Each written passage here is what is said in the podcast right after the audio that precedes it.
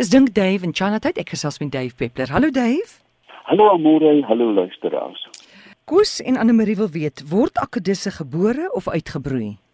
Akedisse geitjies um, is word kom word uit eiers gebroei. So hulle word maar hulle word nie gebroei klassiek soos 'n uh, 'n wyfie wat in 'n nes sit nie. Eiers word soos meeste reptiele eenvoudig op 'n plek gelos en dan afhangende van die omgewings temperatuur humiditeit uh, neem dit langer of korter vir hulle om uit te broei. En dan wil Vosloo weet, hoekom skok voels nie dood as hulle op 'n elektriese draad sit nie? Hulle skok eenvoudig nie dood nie want hulle is nie geaard nie. Nou, daar is 'n uitsondering. Jare gelede het 'n uh, eh, uh, professor Gerrit Verdoring, julle ken hom as radiostem, begin om te probeer om aasvoëls te red wat wat dood geskok word. Nou hulle gaan sit met hoë spanningsdrade en dan kyk al voëls het nie 'n uh, hulle uitskeidingsstelsel kom deur 'n kloaka. Met ander woorde die urine en die fesies word vermeng en dit is baie hoog aan elektrolyte dit is baie sterk chemies en die aasvoëls as hulle ontlas ontlas in 'n in 'n stroom byna soos 'n stroom urine. En dan as dit 'n hoogspanningsdraad tref word hulle netlik soos 'n stukkie popcorn jy weet as net 'n hmm. wolkie in die aasvoël is weg maar 'n voël wat eenvoudig net op 'n draad sit het net een pool van die elektrisiteit. Met ander woorde, hulle kan nie skok nie. Mens sien baie keer dat dat op hoogspanningsdrade werk mense, hulle hulle word hulle skakel nie eers die krag af nie, maar die hemel sal daai man help as hy aan aan aan die metaal van die ah. paal vat wat gegrond is, want dan word die stroombaan voltooi. Met ander woorde, voel sit op 'n stroombaan wat onvoltooid is. Goed, en dan wou Lombard weet, hoe respekteer mense 'n landskap? Ah as jy 'n pad bou?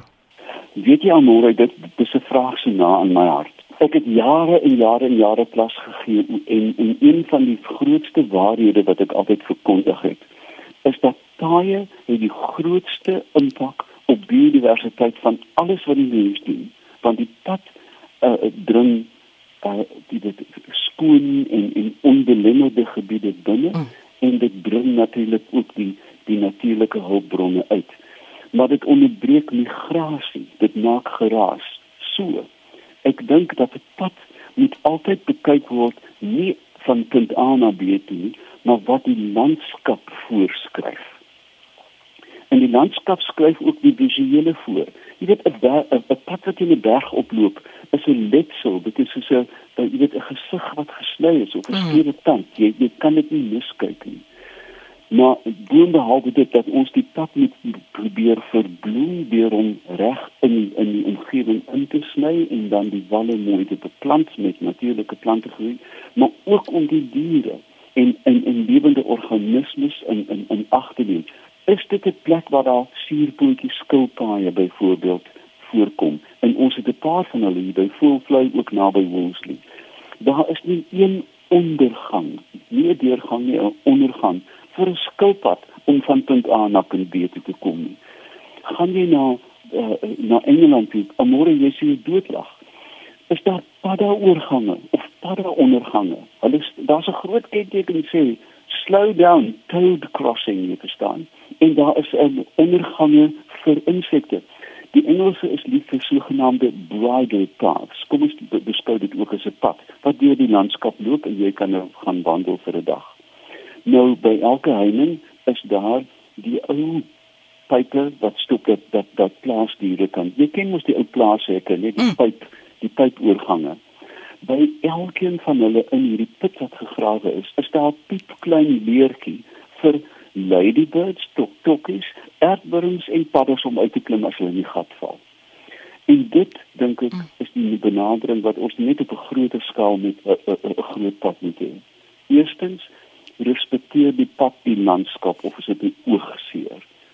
Tweedens neem ons die om, die breë omgewing in in ag in terme van diere wat nog wat ek weet hoeveel diere hardloop oor die pad in die aande. Ons weet van die bakoorjakkalsies maak 'n ondergang waar hulle kan deur beweeg. So, ek dink daar's veel te doen. Ek sê nie ons paai is sleg nie, maar dit kan heelwat beter gaan. Dave, en dan nog 'n vraag met die stadsgeraas en stadslawaai kan voels mekaar nog roep vir 'n paar sessie. Uh juis verlede jare het daar 'n nuwe studie uitgekom in Berlyn uh, van alle plekke waar um, Europese voëls uh, volgens die naam van 'n tit waar die voëls in die stad nou so hard moet roep om mekaar te kom om kommunikasie met mm. mekaar te hê dat hulle besig is om 'n nuwe spesies te ontwikkel dat hulle letterlik spesieer omdat hulle so hard moet roep en dit is 'n sogenaamde artefak van stadslewe. Ehm um, hulle vind eenvoudig plekke een waar dit waar hulle kan wegkom van die geraas maar tweedens hulle begin al hoe harder roep en dit maak van hulle fisiologies anders hulle die stembande moet versterk hulle moet meer eet want hulle moet meer raas. So ja die stad is besig om nuwe spesies te skep. Mense is geneig om te sê dat evolusie werk oor baie lang tye jy weet ja dit neem miljoene jare so aan evolusie kan baie vinnig werk. Daar's die klassieke studies van die pepermot in Londen. Toe oop kachelvuur die pepermot het swart geword. Dit was altyd wit met spikkeltjies op en met al die roet van die industriële evolusie die mot swart geword. Het geselekteerde evolusie hmm. en toe hulle die vure verban was dit etlike jare en die mot het weer wit geword want hy kon toe wegkruip in die darke bome so ja die evolusie kan blitsnel gebeur um, so vinnig dat dit selfs gemeet kan word aan die oscillasie van El Niño. Ja, wat beteken dit? Dit beteken uh, die Galapagos waar waar Darwin eintlik die idee van evolusie gekry het met die wat die beroemde Darwin vinke. Ah. Nou die Galapagos bestaan uit 'n hele klomp klein eilande waar die vinke so lank geïsoleer is dat almal verskillend ontwikkel het van een oor paar. Die party se bekke is langer, party se bekke is langer uh, dinge. Nou met El Niño wat die siklusse daar werk van sê net maar 15 jaar, verander die plante groei. En binne 15 jaar tot 20 jaar word die vinke se bekke langer of korter. Sjoe. So, dit is ontsaglik vinnig.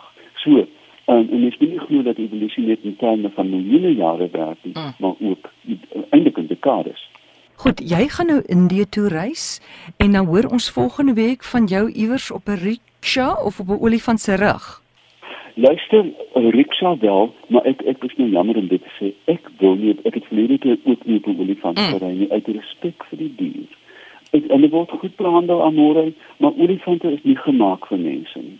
Olifante is gemaak om in om in modderbaddens te lê en piesangs te eet, maar nie met mense op hulle rug nie. So ek sal kyk, maar ek gaan nie self ry nie, maar beslis 'n klankgreep uit die hart van Indië.